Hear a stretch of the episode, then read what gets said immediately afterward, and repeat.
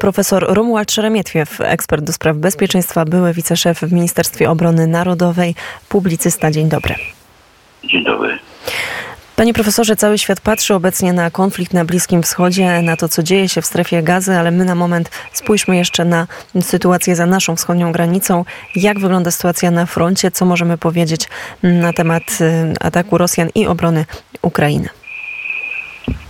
E, niestety nic nie można powiedzieć. E, nic sensownego. Dlatego, że e, w moim przekonaniu to, co się w tej chwili dzieje, jeżeli chodzi o front na Ukrainie, e, stanęło w jakimś punkcie zwrotnym. I to w punkcie zwrotnym, który może oznaczać zwrot bardzo niekorzystny dla samej Ukrainy. Otóż ja byłem przekonany, że po pierwsze, że Ukraińcom kontrfestywa się powiedzie, że są dobrze przygotowani, no i że nastąpi przełom, który e, sprawi, że zakończy się również ta wojna. Otóż tak, e, wojna może się zakończyć, e, ale niekoniecznie zwycięstwem Ukrainy, ponieważ po pierwsze okazało się, że strona rosyjska bardzo e, silnie przygotowała się, jeżeli idzie o obronę, a e, strona ukraińska, szukając miejsc, w których mogłaby tę obronę przełamać, chyba za bardzo rozproszyła swoje siły.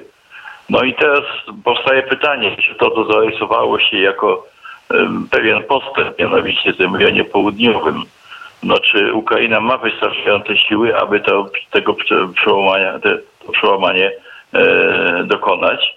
Zwłaszcza, że na sytuację na froncie i na, na to, co, w jaki sposób może działać armia ukraińska, e, działa również to, co w polityce e, zagranicznej Ukraina zrobiła, niestety, co bardzo jej zaszkodzi.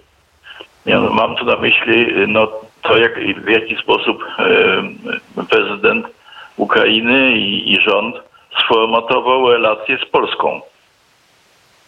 Mianowicie, no widać, że nastąpiło to istotne oziębienie e, i to z winy Ukrainy, przecież nie z, nie z, nie z winy Polski.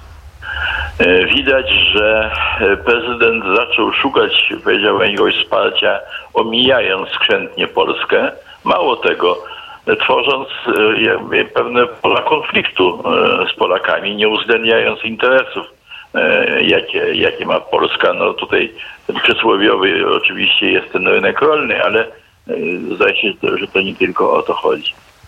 No a ponieważ Polska była takim najbardziej aktywnym adwokatem spraw ukraińskich, tutaj przypomnę, jakie, jakie, jaką rolę odgrywał prezydent Duda premier e, Morawiecki, który przecież tyle razy jeździł do, do Berlina, domagając się, żeby te Niemcy bardziej wspierały Ukrainę. Więc to wszystko zniknie. E, jeżeli dojdzie natomiast do zmiany rządu w, Polsce, to sytuacja Ukrainy będzie jeszcze trudniejsza, ponieważ ten rząd nie tylko, że nie będzie wspierał Ukrainę tak jak to robił rząd Zjednoczonej Prawicy, ale będzie postępował w myśl e, tych wytycznych, które będą płynęły e, z Berlina. A Berlin ma wyraźnie interes w tym, aby e, za wszelką cenę wojnę na Ukrainie zakończyć i żeby odnowić jak najlepsze relacje z Rosją. Więc no tutaj powiedziałbym interes Ukrainy jako państwa niepodległego zdaje się się w żadnym miejscu nie mieści. Tu jeszcze, panie profesorze, przepraszam, że wejdę w słowo, tak. ale jeszcze też nakłada się no, bardzo ważna kwestia, a mianowicie spadające takie publiczne poparcie dla wspierania Ukrainy też w Stanach Zjednoczonych. Z jednej strony tak, to opinia tak, publiczna. To, bo, mhm. to, to mogłoby się zmieniać, powiedziałbym, gdyby yy, i można by utrzymać na pewnym poziomie to wsparcie yy, dla Ukrainy, gdyby Polska była w to nadal yy, zaangażowana tak jak dotąd. No ale już widać z różnych powodów, Y, że ta, tak nie będzie. Tak nie jest. Więc, no, więc w związku z tym to, to wszystko, powiedziałbym, jeżeli idzie o przyszłość Ukrainy, niestety marnie się rysuje. A jak wygląda kwestia tej wojny na Bliskim Wschodzie, a też odciągania w pewien sposób e, pomocy i jak w ogóle ten konflikt palestyńsko-izraelski może rezonować, może wpłynąć na to, co dzieje się na Ukrainie? No to, to jest, że tak powiem, w tym niewątpliwie jest e, rola Rosji. E, coraz więcej różnego rodzaju obserwatorów dostrzega, że, że to, co robi Hamas i cała ta historia, która się dzieje tam na odcinku palestyńsko-izraelskim, E, było jakoś w istotny sposób inspirowane i wspierane e, przez Rosję, a na pewno taką rolę spełnia Iran, e, który też jest w tej chwili w relacjach z Rosją, biorąc pod uwagę te dostawy uzbrojenia, które Rosja z, z Iranem przecież otrzymuje. Więc, więc to jest sytuacja taka, że Powiedziałem tak, Rosja jest zainteresowana oczywiście i liczy na to, że ten konflikt, jeżeli on się będzie rozszerzał na Bliskim Wschodzie, to tak bardzo odciągnie uwagę i zaangażuje siły Stanów Zjednoczonych, że na froncie ukraińskim powiedziałbym, no, to zaangażowanie amerykańskie dodatkowo jeszcze bardziej osłabnie. No i wtedy powiedziałbym tak, ofensywa, którą e, Rosjanie chcieliby przeprowadzić, może się rzeczywiście udać. A więc no tutaj, no jakby tak powiedzieć, no nie, nie wygląda to wszystko dobrze. To jeszcze na moment spójrzmy, panie profesorze, na relacje między Polską a Unią Europejską. Bardzo głośno jest teraz o tych zmianach, planowanych e, zmianach tak. traktatów. E, czy sądzi pan, że, że w ogóle czeka nas taka zmiana? Czy, czy jest możliwe, że do niej dojdzie? To jest kolejna groźna bardzo sytuacja. E, ponieważ e, e, nazwijmy to elity unijne, chociaż ja bym tego nie nazwał elitą, elitą są bardzo zainteresowane, aby ten program, ten pomysł, który narodził się w relacjach Berlin-Moskwa, a więc budowania tego wielkiego takiego bloku geopolitycznego od Władywostoku do Lizbony, żeby można go było zrealizować. I e, to, że doszło do wojny na Ukrainie i co zrujnowało, powiedziałbym, te, te, te, te plany, wydawało się, e, okazuje się, że, że ci ludzie, którzy za tymi planami e, stali, że oni nadal za nimi stoją i wcale nie uważają, że jest to przegrana sprawa. Proszę zwrócić uwagę na, ta, na takie kilka rzeczy, które się pojawiają, jeżeli idzie o tę koncepcję E, tej, tego, bliższego związku w Unii Europejskiej z odebraniem wielu sfer suwerenności, powiedziałbym tak, państwom między takim jak Polska. Tam jest kwestia na przykład obronności. Otóż w, tej, w tych zapisach, które oni już przyjęli, a które ma, ma być, mają być procedowane w konsekwencji jako zmiana całego traktatu, jest kwestia utworzenia wspólnej armii europejskiej, i wyraźne wskazanie, że ta armia to ma być, powiedziałbym, środek obrony, e, tak żeby nie trzeba było korzystać z NATO.